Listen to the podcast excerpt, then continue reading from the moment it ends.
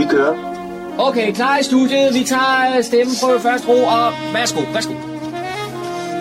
Du lytter til din egen radiomodtager. Fremragende, den er købt. Vi tager den, den her. Okay.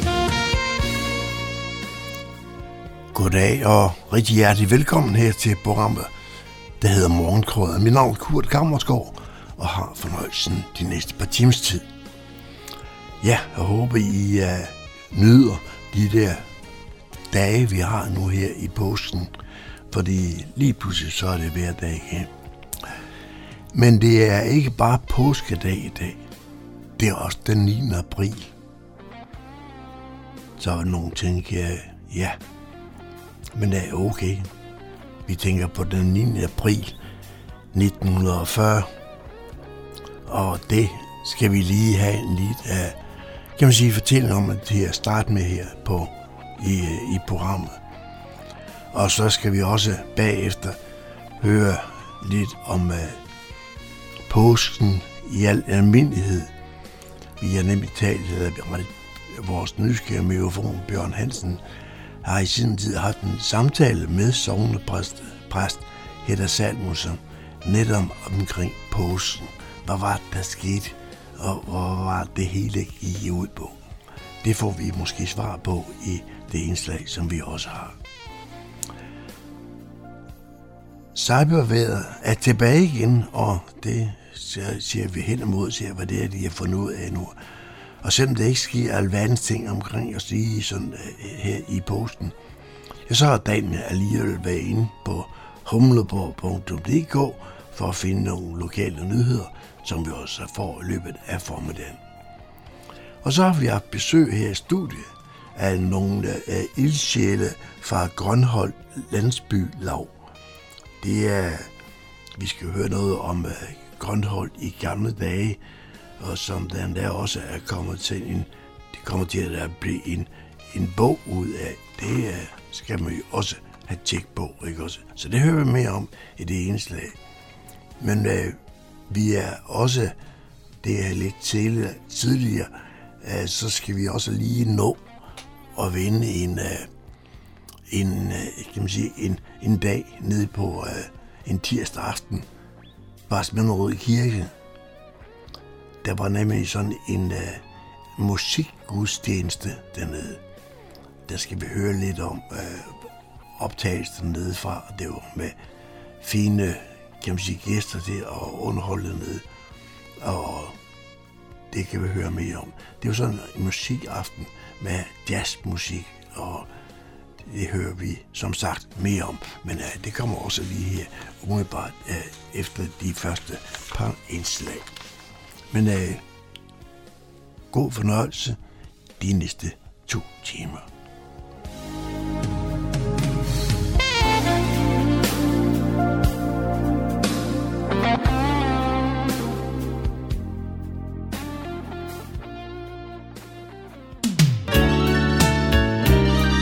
Lytter til Morgenkrydderen. I studiet er det Kurt Kammerskov.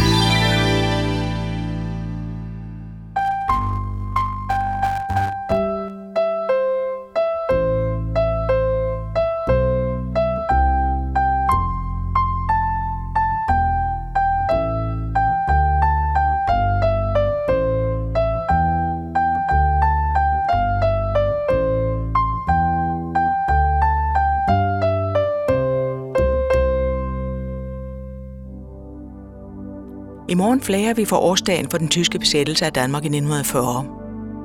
Som tegn på, at det var en sorgens dag, flages der på halv stang til kl. 12. Den 8. april 1940 var der travlhed i de tyske Østersøhavne Stettin og Svinemünde, og i de tyske byer tæt på den dansk-tyske grænse.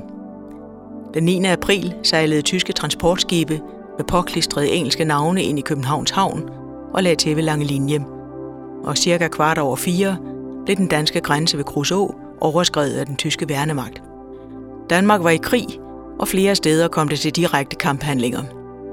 Den danske hær var dårligt udrustet og havde kun ca. 15.000 mand under våben. Heraf var de 8.000 rekrutter indkaldt et par måneder før. 16 danske mistede livet, 23 blev såret under kampene. De tyske tabstal kendes ikke. Den tyske gesand meddelte 10 minutter efter angrebet, at den tyske besættelse var iværksat, fordi England og Frankrig havde til hensigt at inddrage Skandinavien i krigen.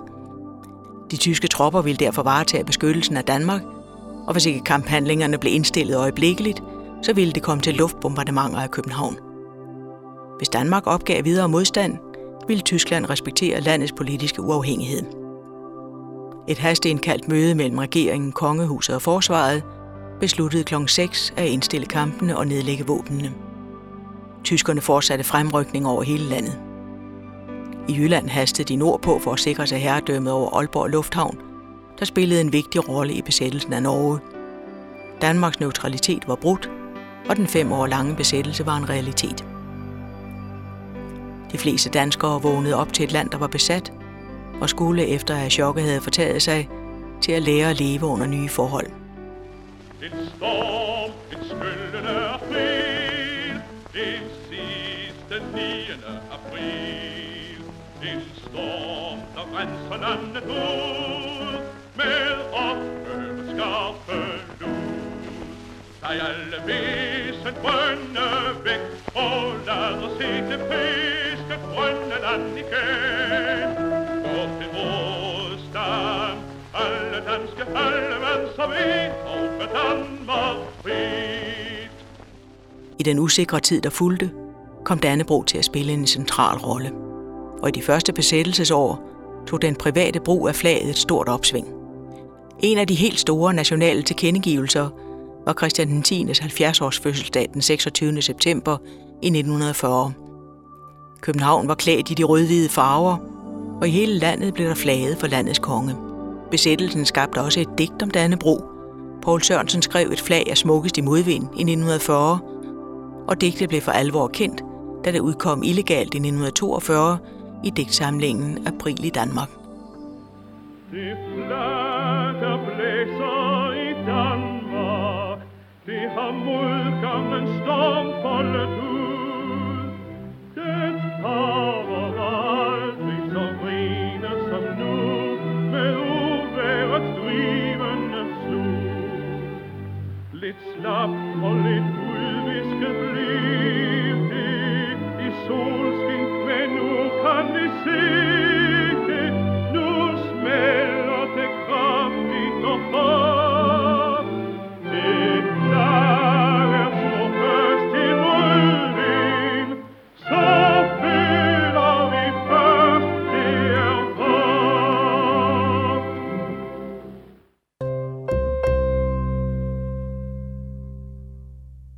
Så er der kulturstof her på Radio Humleborg. Nu har den nysgerrige mikrofon opsøgt en af vores præster, og det er Hedder Salomonsen. Og jeg tror ikke, folk er i tvivl om, hvorfor jeg netop gerne vil snakke med en præst her i påsken. Og nu har vi lige, øh, som jo alle ved, lige passeret, skal torsdag lang fredag. Og vi er jo bogstaveligt talt lige midt i påsken nu. Men Hedda, hvad er der med den lang fredag?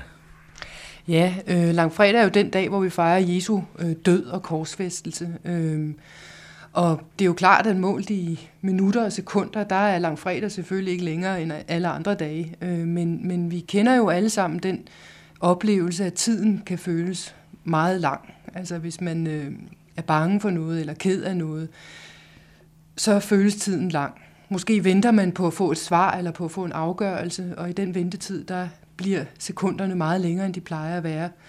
Øh, folk, der har haft depressioner, har fortalt, at det ligefrem kan opleves som, at tiden går i stå.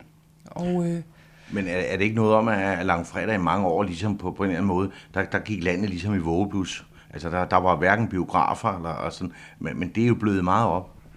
Ja, altså helligdagslovgivningen har selvfølgelig betydet, at langfredag var, var en, en, en, en tid, hvor man, hvor man altså øh, så tilbage på, på Jesu lidelse på korset. Øhm, og, og, og det er jo klart, at, øh, at man har sat ting på vågeblus i den sammenhæng. Øhm,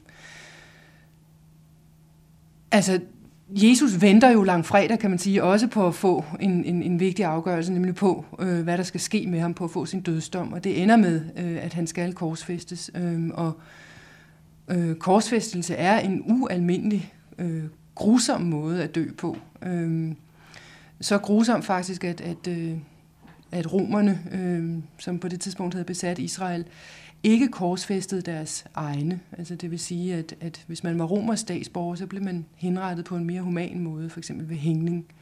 Men øh, slaver og ikke-romerske statsborgere, de blev korsfæstet. Øh, det kunne tage op til flere dage at dø på korset, og det var meget lidelsesfuldt. Man dør af kvælning, det vil sige, at man har svært ved at trække vejret, og det er jo meget angstprovokerende. Folk, der lider af aspe, øh, ved, hvordan det er, når man har svært ved at trække vejret. Øh, Jesus døde forholdsvis hurtigt efter 6 timer ved trætiden om eftermiddagen. Så på den måde for ham har det, øh, ud over det tankemæssige, har det ikke været en lang dag? Det har ikke været en lang dag målt i timer, men det har været en lang dag målt i, hvordan timerne var, fordi det har været ualmindeligt lidelsesfuldt i de seks timer, det så varede. Øhm, så, så af den grund har Langfredag fået sin, sit navn, øhm, fordi de seks timer har, har føltes meget, meget lange. Men, men jeg kan jo så ikke lade være med at sige, der er jo også noget, der hedder genopstandelsen, ikke?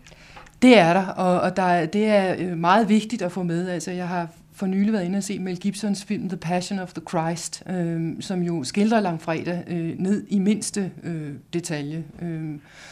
Og der var jeg meget, meget lettet over. Jeg sad hele filmen igennem og tænkte, har de opstandelsen med? Jeg var meget lettet over, at det aller sidste, man ser, er øh, et billede af opstandelsen. Man ser øh, Jesus denne gang, eller rettere sagt for første gang uden blod på sig, øh, som den opstandende Kristus med navlegab i hænderne ganske vist. Men man ser også ligeklædet, der ligger tomt tilbage.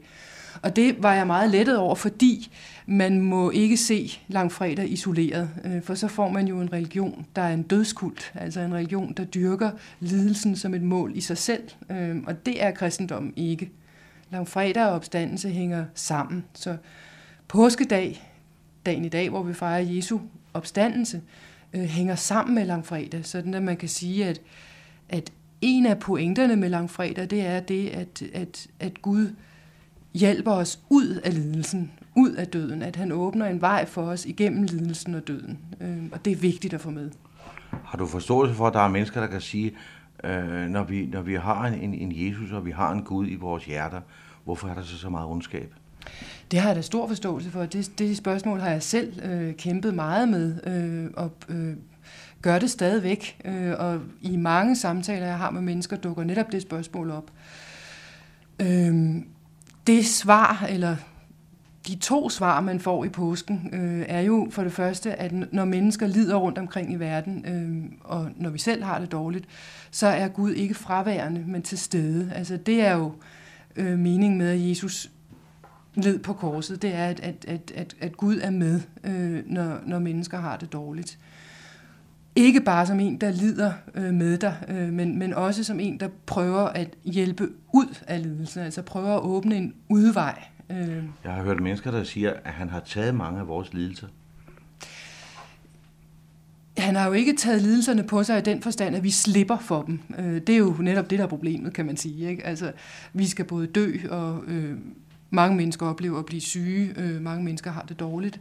Øh, så vi slipper ikke for lidelsen, men, men kristendommen giver os det løfte, at han går med os igennem lidelsen. Så kan man også godt sige, at han, han måske indirekte, når, når, når, man, når man har ham som nærværende, at så tager han nogle lidelser fra en.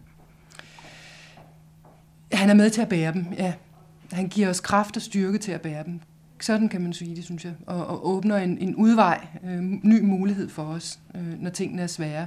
Altså, det er jo tit nogle små øh, øh, små bitte ting, der kan gøre en forskel for, hvordan man forholder sig til det, der er svært. Øh, og der forestiller jeg mig, at, at heligånden er sådan en kraft, der kan pludselig give os øh, humorens synsvinkel på noget, der er tungt at bære, eller pludselig gøre, at et øh, smil fra naboen alligevel gør, at det er til at holde ud. Ikke? Men man kan ikke helt frigøre sig for sådan en påske, som vi nu har konstateret, at vi er midt i. Det er også noget, noget, noget, noget hygge og noget samvær med venner og bekendte. Så det er jo ikke alle, der går i kirke. Øh, sådan er det jo bare. Jamen, påsken har der, har der mange traditioner, øh, altså, øh, som, som er bygget op, også omkring måltidet, og det, det øh, har i og for sig også en kristen baggrund, kan man sige, i og med, at nadveren selvfølgelig var det sidste måltid, Jesus havde med sine disciple, og, og som sådan, øh, ja, var det sidste, sidste gang, han spiste sammen med dem, men jo også er et fællesskabsstiftende måltid, ikke? Så, så selve øh, ideen med, at man i påsken laver noget i fællesskab med sine venner og sin familie, det er der sådan set ikke noget galt i. Altså, Nej, det er jo ikke, fordi jeg mener, det, det, det ikke var, var, var ukristeligt. Altså. Hvad, hvad har du selv igennem dit liv øh, indført i, i, i de, blandt de nærmeste nogle, nogle traditioner, eller, eller er det fordi, du populært sagt har måttet på arbejde? altså jeg husker jo fra min barndom, der, øh, der, der gemte min mor påskeæg i huset, øh, og så havde vi også den skik, at vi... Øh, øh, sendte gættebrev ud inden påske, og der sendte vi hvert år troligt til min mormor, øh, og min søster hedder Hanne, øh, og, og vi underskrev os med altså fem prikker, H-E-D-D-A og H-A-N-N-E, øh, og hvert år så gjorde min mormor os den tjeneste, at hun ikke gættede, hvem det var, der havde sendt det brev, og så fik vi påskæg af hende. Øhm, hun vidste aldrig, hvem de to gange fem prikker var. Det var jo fint. og I spekulerede aldrig på, at der var, der, der, der var foregik noget? Det tog vi helt for, for gode varer, at hun ikke vidste, hvem det var. Øh. det, er en meget sjov tanke jo. Og tror du ikke, der er mange mormøder og bedstemøder i det hele taget, som, som, som også spiller med på den der? Givetvis, altså. Ja. Det, det er jo en del af spillet, kan man sige. Ja. Hvordan, hvordan øh, oplever du nu, nu, nu, er der fokusering på, på Mel Gibsons film, altså i det hele taget øh, Jesus og hans lidelseshistorie og genopstandelse. Hvordan fænger det blandt de unge? Skal de ind og se sådan en bloddrøbende film for, for ligesom at, at, at fange det, eller, eller, eller kommer det helt af sig selv med den ungdom, vi har nu? Øh, altså jeg øh, oplever, at der er en stigende interesse for, for kristendommen øh, i øjeblikket, øh, som kommer af flere ting, tror jeg, øh, men, men som blandt andet kommer af, at, at, øh, at der er kommet flere andre religioner inden for synsfeltet, og det gør så, at folk spørger, hvad er det egentlig selv, øh, vi tror på? Hvad var det nu selv, vi kom fra? Så interessen for kristendommen er, er øh, høj i øjeblikket, og det synes jeg er positivt. Øh, jeg kunne måske godt have tænkt mig, at det havde været en lidt anden fortolkning af påsken end, end lige Mel Gibsons, øh, der var kommet igennem, for jeg synes, den er fokuserer meget voldsomt på lidelsen, ikke? Altså, og på, på blodet. Øh, og kristendommen er ikke en blodsreligion, sådan set, vel? Øh, så, men på den anden side må man jo sige, at øh, filmen betyder, at der er øh, mange mennesker, som faktisk kommer til at høre og se øh, påskens historie. Øh. Men på den kan man jo også godt sige, at, at, at, at, at selve det der med, med på den måde, han døde på, og nu har du og jeg jo ikke prøvet at blive korsfæstet, men, men, men, men det har jo altså jeg ved ikke, om jeg må bruge sådan et udtryk om Jesus, men det har nok ikke været morsomt. Det har været ganske ualmindeligt redselsfuldt. Ikke? Altså, som sagt er det en, en, en meget lidelsesfuld øh, død. Øh, det, der, det der, der frastøder mig i filmen, det er den voldsomme fokusering på blodet. Altså, der er nogle scener, hvor man ser Jomfru Maria kysse Jesu fod, og får, hun får smurt blod ud i hele ansigtet. De tørrer blodet op. Øh, det, altså, øh, da Jesus sådan endelig... Synes, sådan synes jeg ikke, det bliver fortalt vel fra starten. Sådan bliver det ikke fortalt i evangelierne. I evangelierne bliver det nærmest fortalt som en kendskærning, ganske kort og i og for sig øh, tørt og uden øh, Øh, store følelser bliver det konstateret, at han bliver pisket, og han får en tornekrone sat på hovedet, og han bliver hånet. Øh, det bliver bare sådan fortalt forholdsvis nøgternt øh, og tørt, uden at man øh, går i detaljer med tortur eller med, med hvor meget blod der flyder. Altså da Jesus dør på korset i Gibsons film, der har han udgydt så meget blod i løbet af filmen, som ingen menneskekrop indeholder. Altså, øh.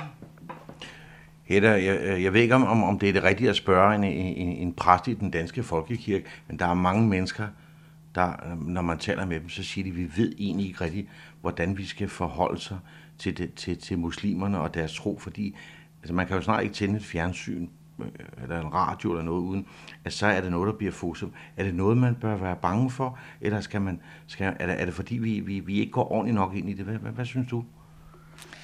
Jeg tror, at man skal være bange for alle religioner, øh, som bliver fundamentalistiske. Og dermed vil jeg sige, at der inden for alle religioner findes fundamentalisme. Det findes inden for islam, det findes inden for kristendom, det findes inden for hinduisme. Øh, at folk bliver fanatiske i deres religionsudøvelse. Øh, og det skal man tage afstand for, fra, øh, ligegyldigt hvilken religion, øh, der, der kommer med det. Man skal også tage afstand fra, når mennesker forsøger på at lave religiøst svindleri. Og det er jo religiøst svindleri at sige, at hvis du springer dig selv øh, og, og, og et par hundrede andre mennesker i luften, øh, så får du en plads i paradiset. Mm, det er sådan øh, det er religiøst svinderi, og det øh, var, har, har jo øh, finder igen sted, når religion bliver fanatisk, øh, og det, det skal man tage afstand fra. Det var blandt andet sådan nogle ting, Luther gjorde op med, øh, da han i sin tid gjorde op med den katolske kirke, at han sagde, at vi kan ikke sælge afladsbreve, øh, der, der lover folk, at hvis de har betalt den som penge, så vil de brænde øh, 10 år mindre i skærsilden, fordi det er simpelthen svinderi. Ikke? Så det skal man selvfølgelig tage afstand fra ligegyldigt hvilken region, der er tale om. Jeg mener samtidig, at man skal stå fast på, at øh, øh, der er en meget, meget lille procentdel af muslimer i verden, som er terrorister. Der er også en meget, meget lille procentdel af kristne, som har lavet terroristiske anslag. Og man skal ikke generalisere. Man skal ikke sige, at fordi der er én muslim, så er hele, eller så er alle muslimer øh, per definition terrorister. Men er det ikke forståeligt for, for, for os kolde nordboer, at man siger, hvordan kan det være, at veluddannede unge mennesker de mener, de skal op og sidde oppe i, i himlen, fordi hvor er den plads, de skal sidde? Altså, det der martyrum, altså, som, som mange af dem påberåber sig, det kan vi andre ikke forstå. Nej, det kan vi ikke, og, og det mener jeg også, vi skal, vi skal tage afstand fra og sige, at det er altså øh, religiøst svindleri, øh, og det vil vi ikke øh, gå ind for, hverken i kristendommen eller i andre religioner. Men, men, men bliver det ikke så opfattet som noget intolerance fra vores side, hvis vi, hvis vi pådutter muslimerne, at, at de er på et galt spor? Vil det ikke blive opfattet sådan? Det synes jeg da bestemt ikke. Altså, jeg synes da sagtens, man kan sige, jamen den udlægning, som de der lille bitte procentdel af muslimer kommer med, der lover folk en plads i himlen, hvis de springer sig selv og andre i luften. Det må vi tage afstand fra. Men det betyder jo ikke, at vi så øh, siger, at, at øh, alle andre muslimer øh, går ind for det samme. Altså, jeg kender da fornuftige muslimer, som, som er fuldstændig lodret uenige med, øh, med den... Men, men det er ikke dem, du, du ligesom ser i medierne, vel? Det er da klart, at, øh, at, at øh, der er nogen, der tegner billedet lige i øjeblikket på grund af de forfærdelige ting, der er sket. Ikke? Øh, men, men, men der mener jeg så, at det er vigtigt, at man, at man ikke generaliserer. Altså at man siger, ja, hvis der er et fortal af muslimer, som har en, en, en, en fuldstændig vanvittig fortolkning af deres religion, det må vi tage afstand fra. Men så er der altså også en stor gruppe af, af muslimer, som jo selv tager afstand fra, fra de andre. Og, og, og man må ikke slå alle over en kamp. Så er det også dit budskab, at man skal det er de, de højt råbende, man skal, man skal ligesom sige fra, og der sidder et, et fornuftigt flertal, som, som så ikke siger noget, og, og, og, og dem skal man også ligesom kigge lidt på, fordi de, de vil have en fredelig verden, ligesom du og jeg Ja, det, det øh, har jeg da talt med masser af muslimer, som, som, som, som har sådan set den samme indstilling på det punkt, som jeg har. Ikke? Altså, så øh, sådan må det være. Du lytter til morgenkrydderen. Så tager vi pulsen på en lokal musikalsk oplevelse. Tirsdag den 28. marts var der musikgudstjeneste med jazztrio i Asminderød Kirke. Jazztrioen bestod af Ole Kok Hansen på piano, Werner Thomsen på saxofon og klarinet og Mark Davis på kontrabas. Det var sognepræst Hedda Salomonsen, der var liturg, og sognepræst Ronald Bolskifte, der fortalte og berettede om på osken. Men i dette lille program skal vi kun lytte til lidt af musikken. Det første, vi skal høre fra denne jazzgudstjeneste, er Abide With Me.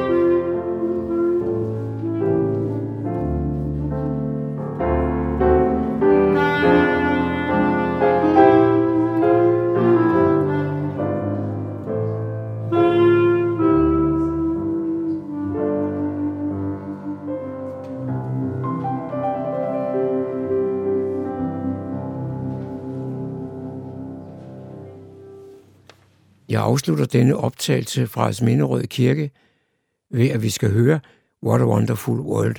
Og her der er det sandelig sognepræst Ronald Boskifte, der synger.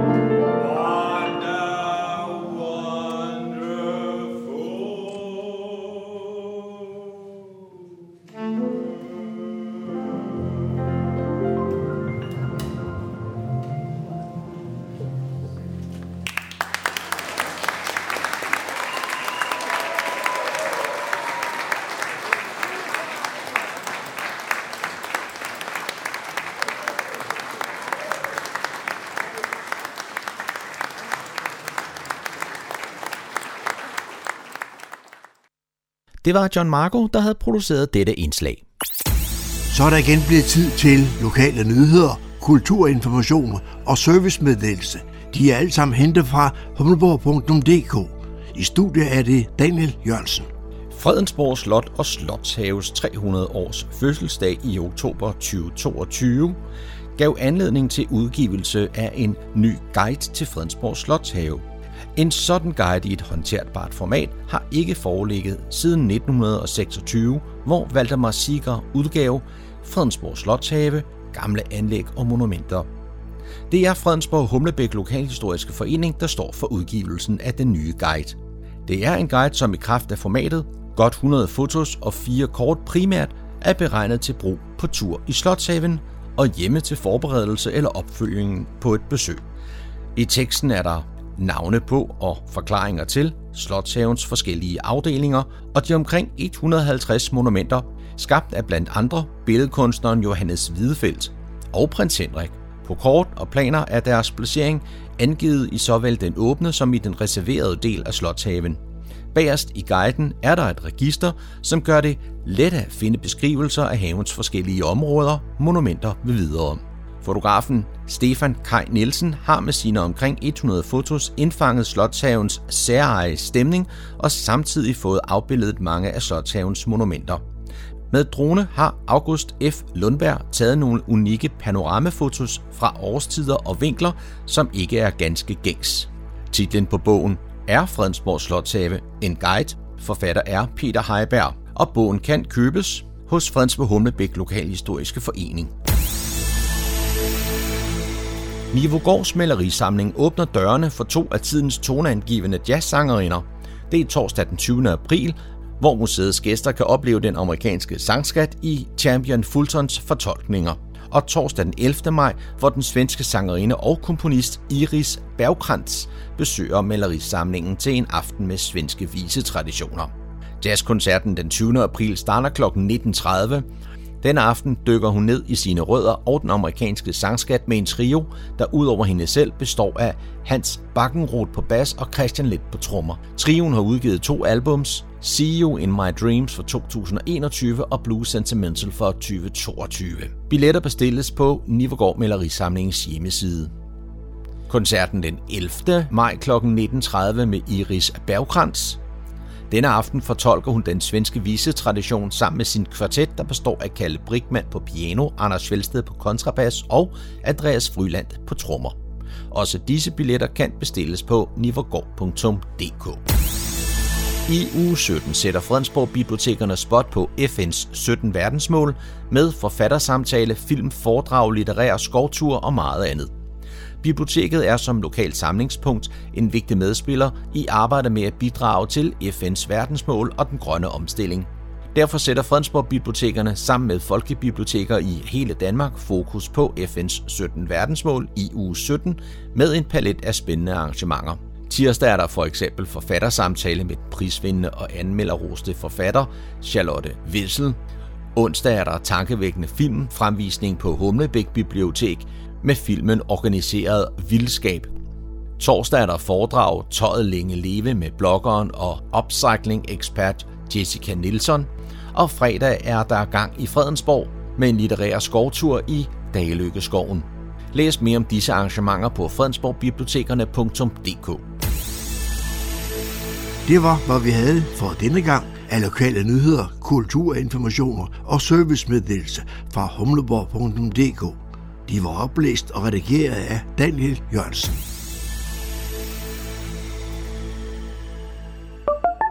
ChatGPT bliver brugt til at snyde dig, så nu skal du passe ekstra godt på.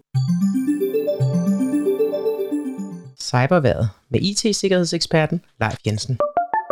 Velkommen til Cyberværet for uge 14. Allerede to måneder efter ChatGPT blev lanceret, havde den over 100 millioner brugere.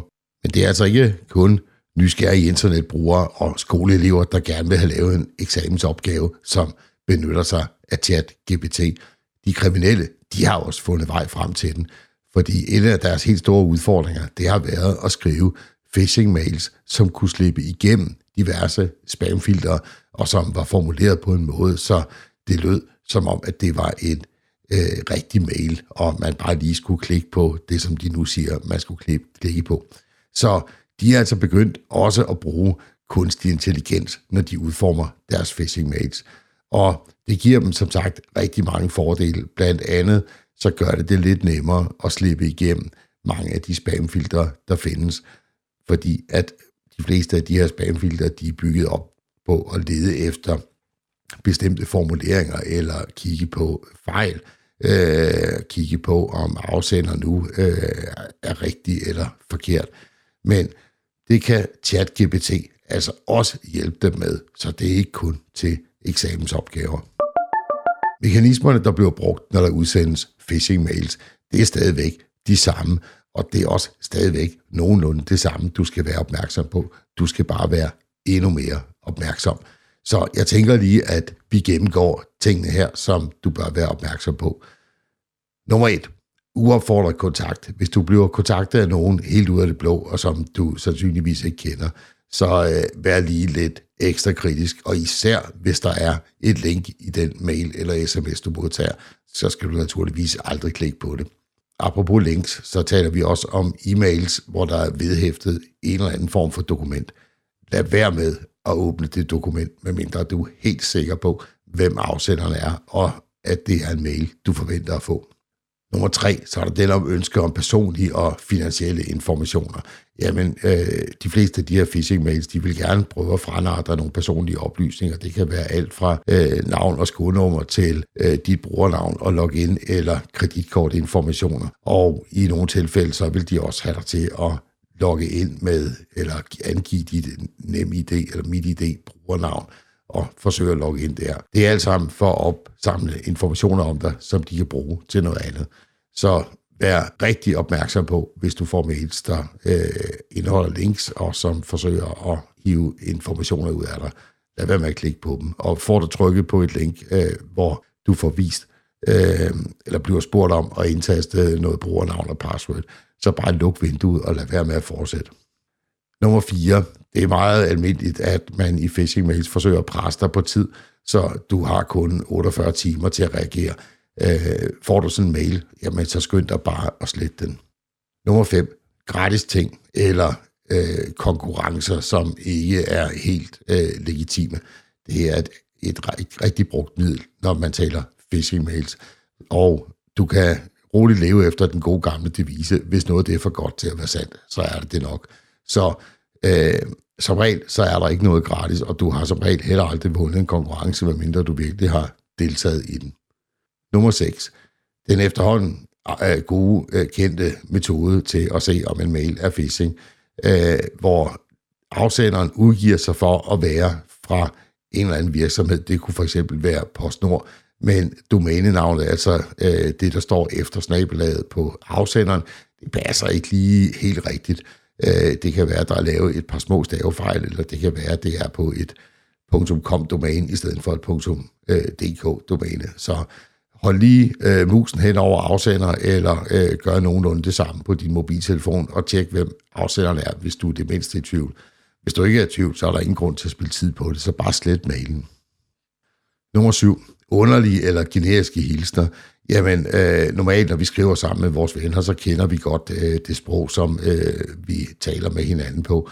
Øh, så hold øje med, om der er noget, der sådan, øh, ser ud til at være meget øh, generelt, øh, som for eksempel de her mails, hvor du får en, en besked fra en advokat om, at der er en eller anden, der er død nede i Afrika, du har arvet, jeg ved ikke, hvor mange millioner. Øh, kig lige på, om ikke den lige så godt kunne være sendt til øh, flere tusind forskellige modtagere, eller om den lige præcis er udstedt til dig med nogle kendetegn omkring dig. Nummer 8. De kriminelle, de har ingen moral, når det gælder at udnytte aktuelle situationer eller katastrofer. Det har vi set med den her forfærdelige krig i Ukraine, øh, og da der var øh, jordskælv i Tyrkiet, så kommer der øh, ofte phishing mails ud, der siger, nu kan du lige donere et eller andet her, du skal bare lige købe nogle gavekort, så ryger alle pengene til Ukraine eller Tyrkiet. Det er rigtig usmageligt, at øh, de gør det, men de er som sagt fuldstændig ligeglade. De vil bare have nogle penge. Skynd dig slet sådan nogle beskeder. Nummer 9. Mærkelige ønsker. Øh, det kan være, at du modtager en phishing-mail, hvor der står, at øh, det er fra din bank, og at du bare lige skal bekræfte nogle ting, for der er et eller andet galt med din konto. Vær nu opmærksom på, at banken aldrig sender dig en e-mail, hvor du skal bekræfte et eller andet. De kommunikerer med dig via e-boks eller inde i selve netbanken, eller også så ringer din bankrådgiver til dig. Nummer 10. Hvis de går direkte til stålet og beder dig om nogle penge på en eller anden måde, det kan være, at du sidder som øh, kasserer i en lille forening, så øh, kan du sagtens risikere at modtage en mail, øh, hvor der står, at det er fra formanden, jeg er lige ude at rejse. Du er nødt til lige at sende mig nogle penge, fordi mit dankort det er blevet spærret. Overfør lige nogle penge til den her konto. Den slags kalder man populært CEO fraud, og det er desværre rigtig meget brugt, og der er desværre rigtig mange, der hopper i fælden.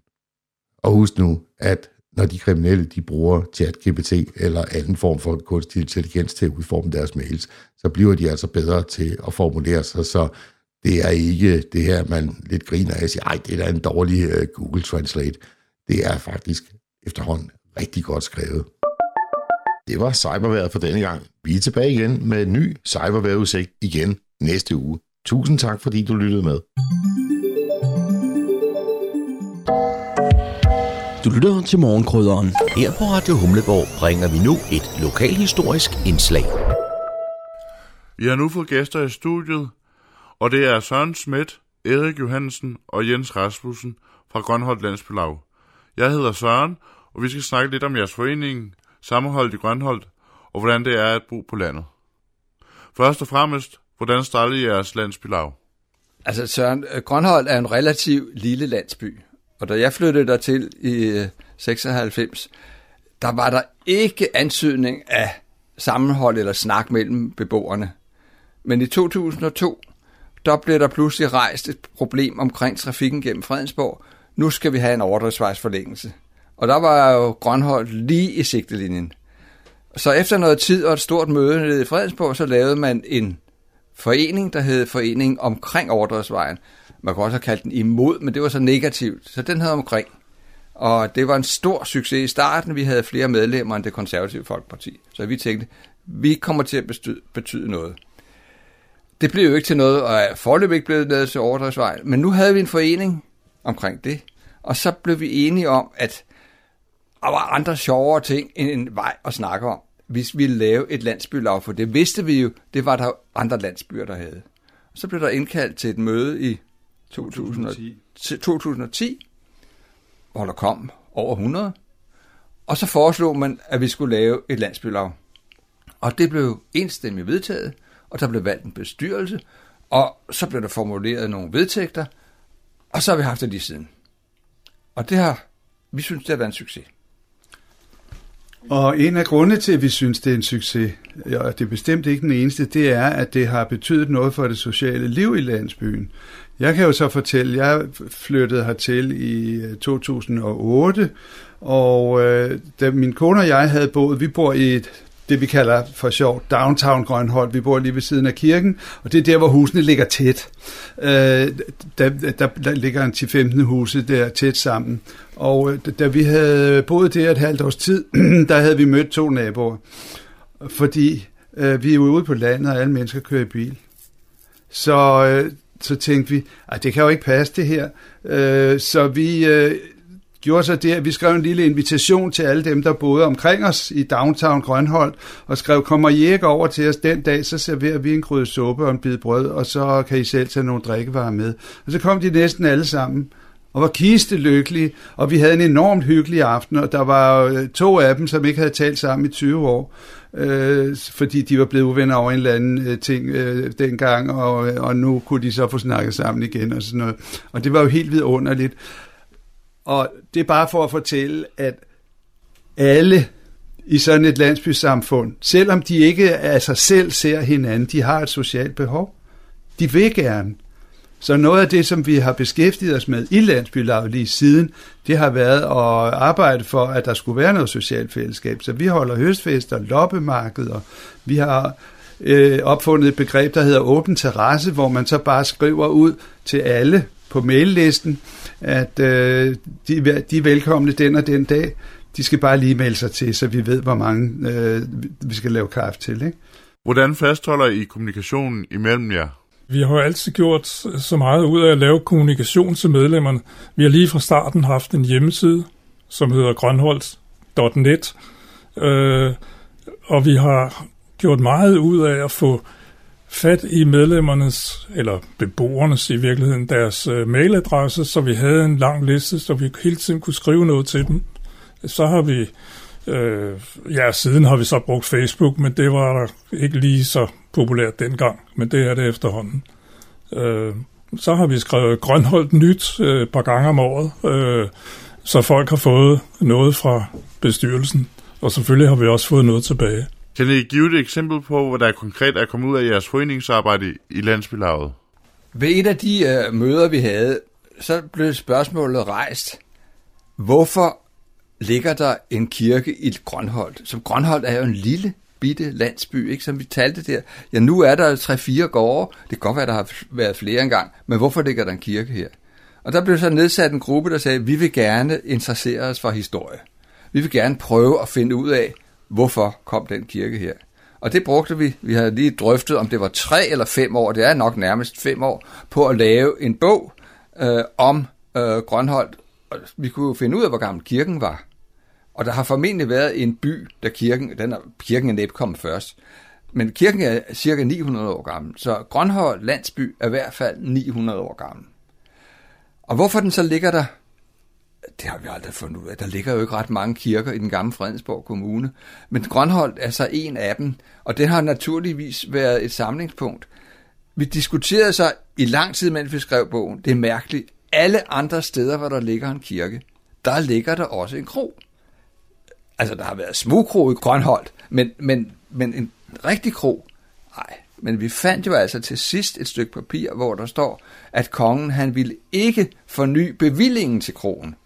Så der har altså engang været en kro. Det er længe, længe siden. Men det hele hænger sådan set sammen. Historien er, der har været en kirke, og der har været en kro. Og det skyldes jo nok, at vejen, der går igennem Grønholdt, Grønholdtvej, er en af vejene ud til vandet.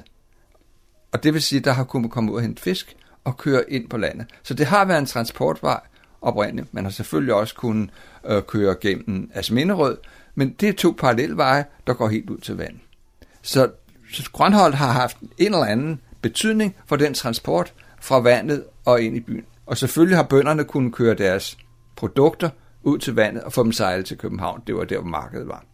Kan du fortælle nogle historier fra bogen af? I skoven har der været en stor industri med hensyn til trækul.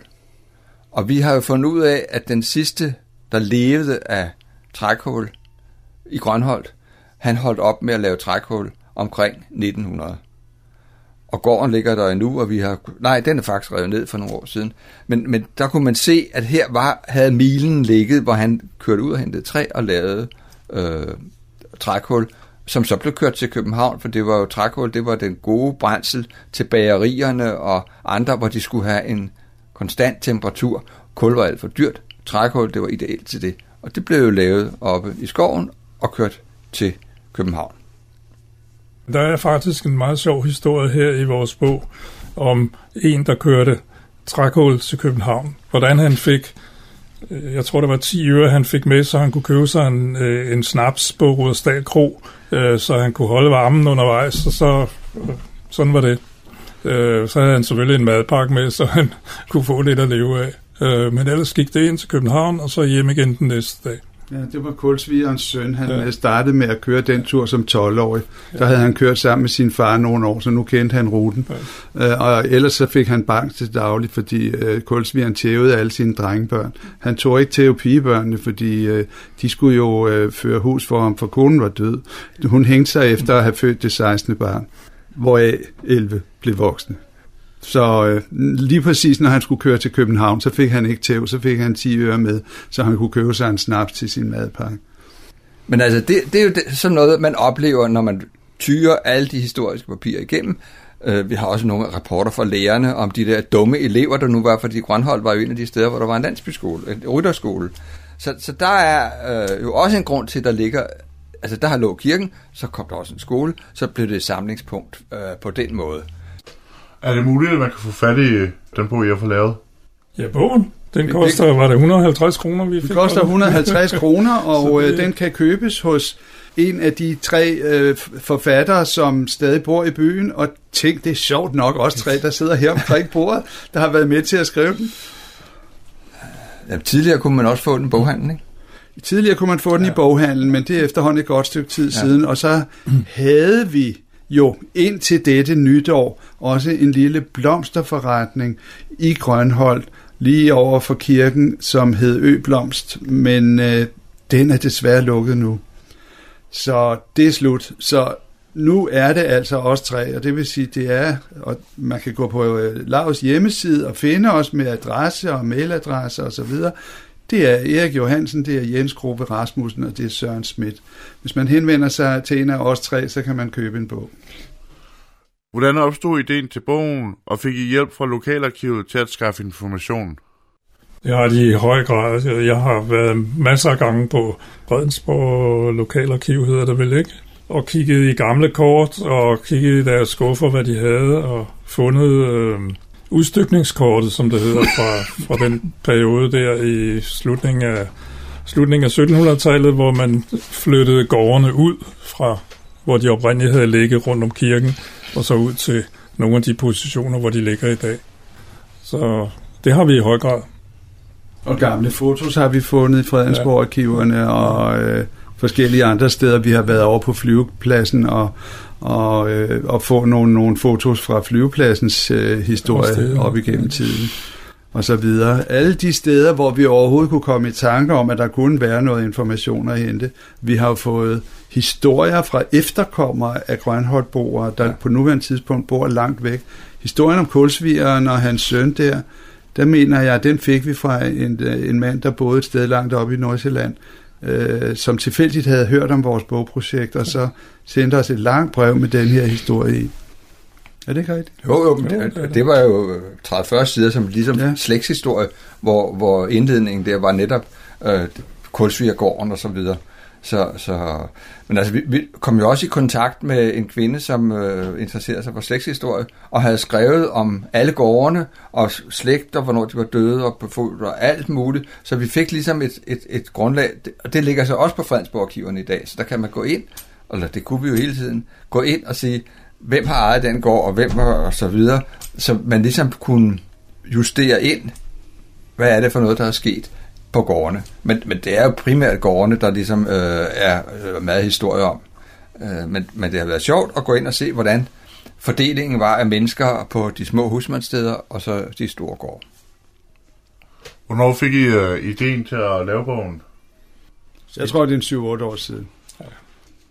Jeg synes også, når vi snakker om bogen, så er der lige, øh, altså vi tre har været medforfattere, og så er der en, som yderligere var med, som hedder Ole Ortved. Øh, men der var en væsentlig person, som kom til til sidst, nemlig Merete, som lavede grafikken på det der. Det er simpelthen, den der bog, står og falder jo med sin grafik, efter min mening. Den ville være temmelig kedelig, hvis ikke der var en ordentlig grafik. Det, det er korrekt. Jeg, det synes jeg var egentlig ret væsentligt. Hun er professionel grafiker og har, og har lavet layout på forskellige øh, tidsskrifter og sådan nogle ting i årenes løb, og øh, havde derfor også alle mulige kontakter, så hun tilbød selv at være med til at, at lave layoutet på bogen. Og det var kun Amor, hun har ikke fået en øre for det.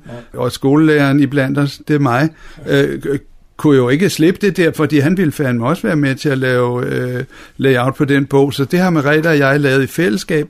Og så kendte Merete selvfølgelig også en bogtrykker, som ville øh, lave den til en favorabel pris. Og det er derfor, vi kan sælge den for 150 kroner. Det er jo så fordi, at øh, det er simpelthen de rå udgifter til bogen, som, øh, som skal dækkes ind af det der, ikke? Fordi alle vi andre, vi har, vi har, vi har jo ikke fået noget for det. Som Nej, men altså, vi har fået støtte fra kommunen øh, og fra Velosfonden. Ja. Og så var der nogle af, af, af borgerne, der ligesom sagde, vi støtter det der med et eller andet antal tusind kroner, så vi faktisk øh, fik, øh, fik nogle penge ud, ud af det, som er gået i, i landsbyens kasse. Kan I fortælle om uh, voldstedet i skoven mellem uh, Grønholdt og Spinderød? Vi kan fortælle en lille smule, fordi vi har lavet de her historiestudier, men ja, ellers jo ikke så meget.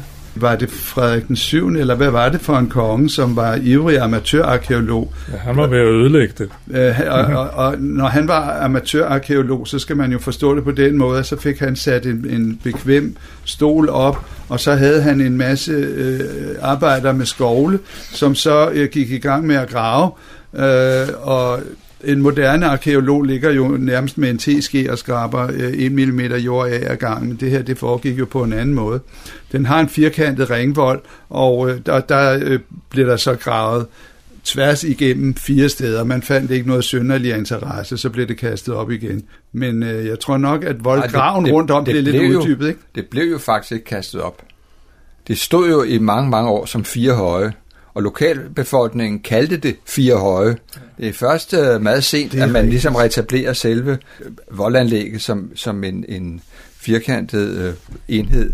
Men det, der er interessant, det er jo, at der findes jo nogle, nogle øh, papirer fra 1150 eller et eller andet deromkring.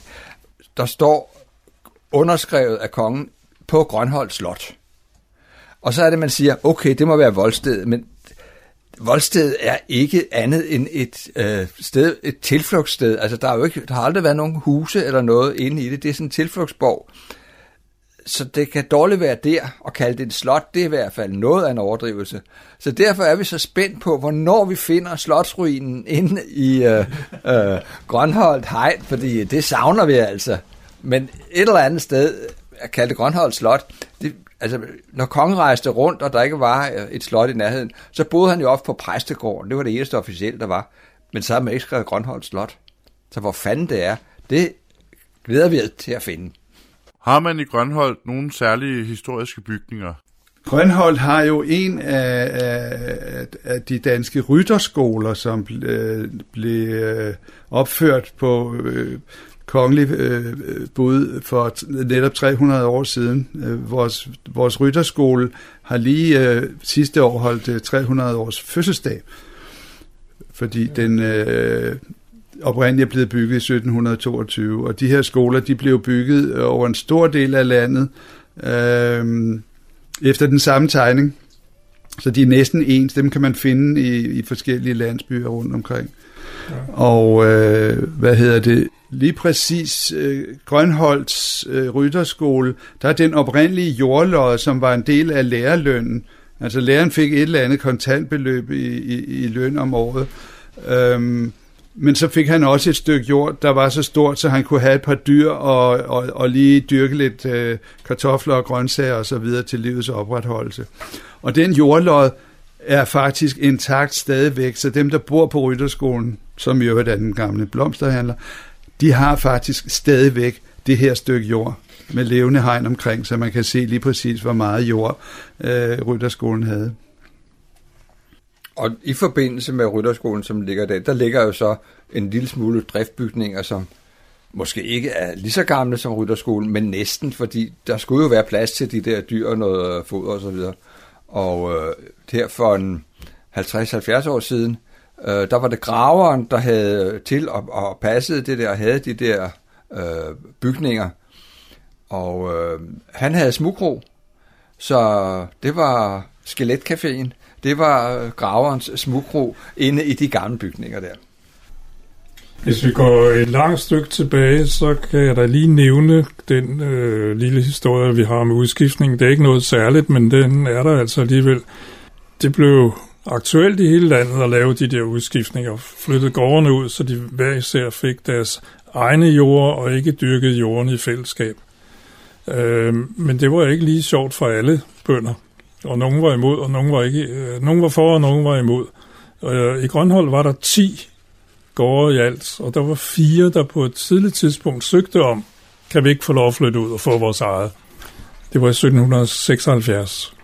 De fik det så ikke i første omgang, men nogle år senere, så fik de det, og så blev hele landsbyen udskiftet i begyndelsen af 1790'erne, tror jeg det var.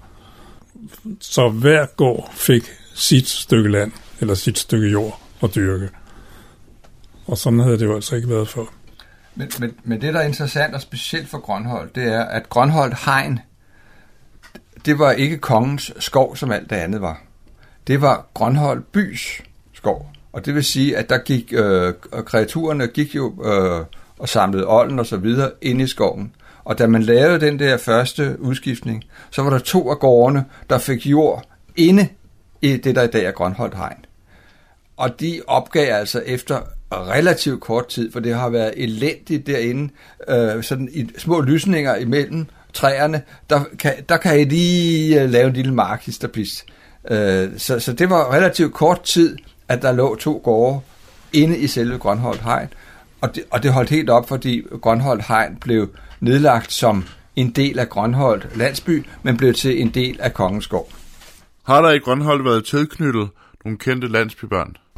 På et tidspunkt var det meget moderne, at nogle af skuespillerne fra det kongelige teater, de øh, havde sommerboliger ude i området, øh, og altså Bodil Ibsen boede jo også i, i det område begravet på, på øh, Grønholdt Kirkegård. Så der er nogle af de der øh, KF'er, der har kommet øh, en del i området, men altså det er jo ikke noget, de har sat øh, præg på byen af. Det er det ikke. Og så, altså, hvis vi lige snakker om, om KF'er, så kan vi jo også fortælle, at øh, i, øh, nu er, nu er Asminderød og Grønholdt Sovne lige blevet lagt sammen, men, men det har i mange år været et fælles pastorat. Og i det pastorat ligger der tre kirker. Der ligger Fredensborg Slotskirke, så ligger der Asminderød Kirke, så ligger der Grønholdt Kirke og hendes majestæt dronningen hun frekventerer alle tre kirker. Så en gang imellem, jeg bor lige ved siden af kirken, så jeg har set det med egne øjne. En gang imellem, så holder der sådan en kronebil på parkeringspladsen udenfor, øh, og så holder der en anden bil, sådan en sort SUV, hvor der så står to øh, hertebrede mænd med solbriller på, og ser farlige ud, og en enkelt øh, er gået med ind øh, og sidder bag i kirken. Og dronningen, efter sine, jeg, det har jeg ikke selv oplevet, hun kommer så fem minutter ind i gudstjenesten og forlader kirken igen fem minutter før den slutter. Sådan ganske diskret. Sidder bagst i kirken. Lis Hartl øh, er jo også, mener også er begravet. Hun havde jo en gård, hvor hun red. Ikke? Altså, der er et utal af gårde, der har heste. ja. Grønhold. Og øh, som vi plejer at sige, der bor flere heste i Grønhold, end der bor mennesker. Det tror jeg ikke, at der er nogen tvivl om, at det gør der. Så, så alle, øh, rigtig mange øh, ryttere, gode og dårlige osv., de har, har været eller er bor i, i, i Grønholdt. Men, men altså Grønholdt er jo i meget, meget høj grad islænding, altså de små heste, islænding, og dem er der rigtig mange af, og så er der relativt få, der har store heste. Og der kan der være, der kommer flere verdensmestre af dem, men, men altså, øh, det er der jo, men, men altså, det er det, ikke? Her til sidst vil jeg gerne høre om, hvordan I byder nye beboere velkommen. I forlængelse af arbejdet med øh, historiebogen, så fik vi jo taget en masse fine billeder og lånt og hentet en masse fine billeder rundt omkring. Og på et tidspunkt besluttede vi så i, i Landsbylavs bestyrelse, at øh, vi ville jo godt øh, sikre os, at når der flyttede nogle nye mennesker ind i Grønhold, at de så følte sig godt modtaget og inddraget i fællesskabet. Så vi fik lavet sådan en lille folder, som du har fået overdraget der på fire sider, øh, som er lige så flot trygt som øh, historiebogen, og som vi så sørger for at øh, overrække. Det skal normalt være et bestyrelsesmedlem, der bor i nærheden, som så opsøger de nye naboer og overrækker dem denne her og fortæller lidt om landbylaget og byder dem rigtig hjertelig velkommen i Grønhold. Indslaget var produceret af Søren Hybsmand.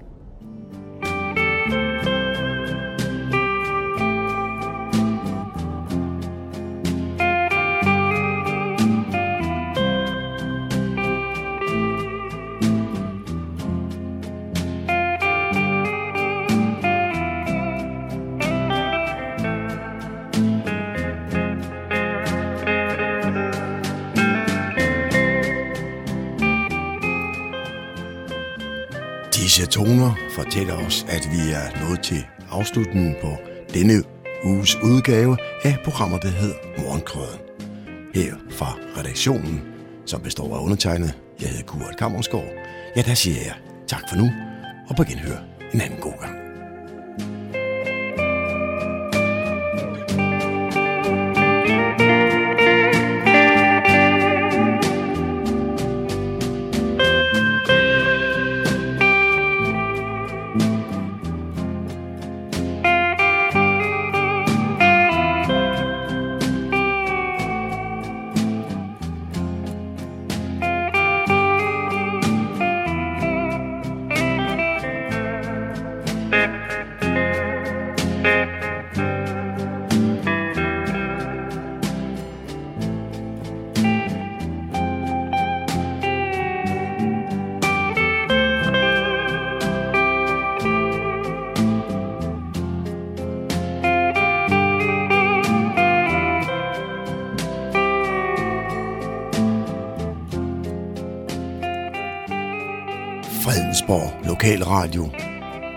Radio Nordsjællands mest voksne.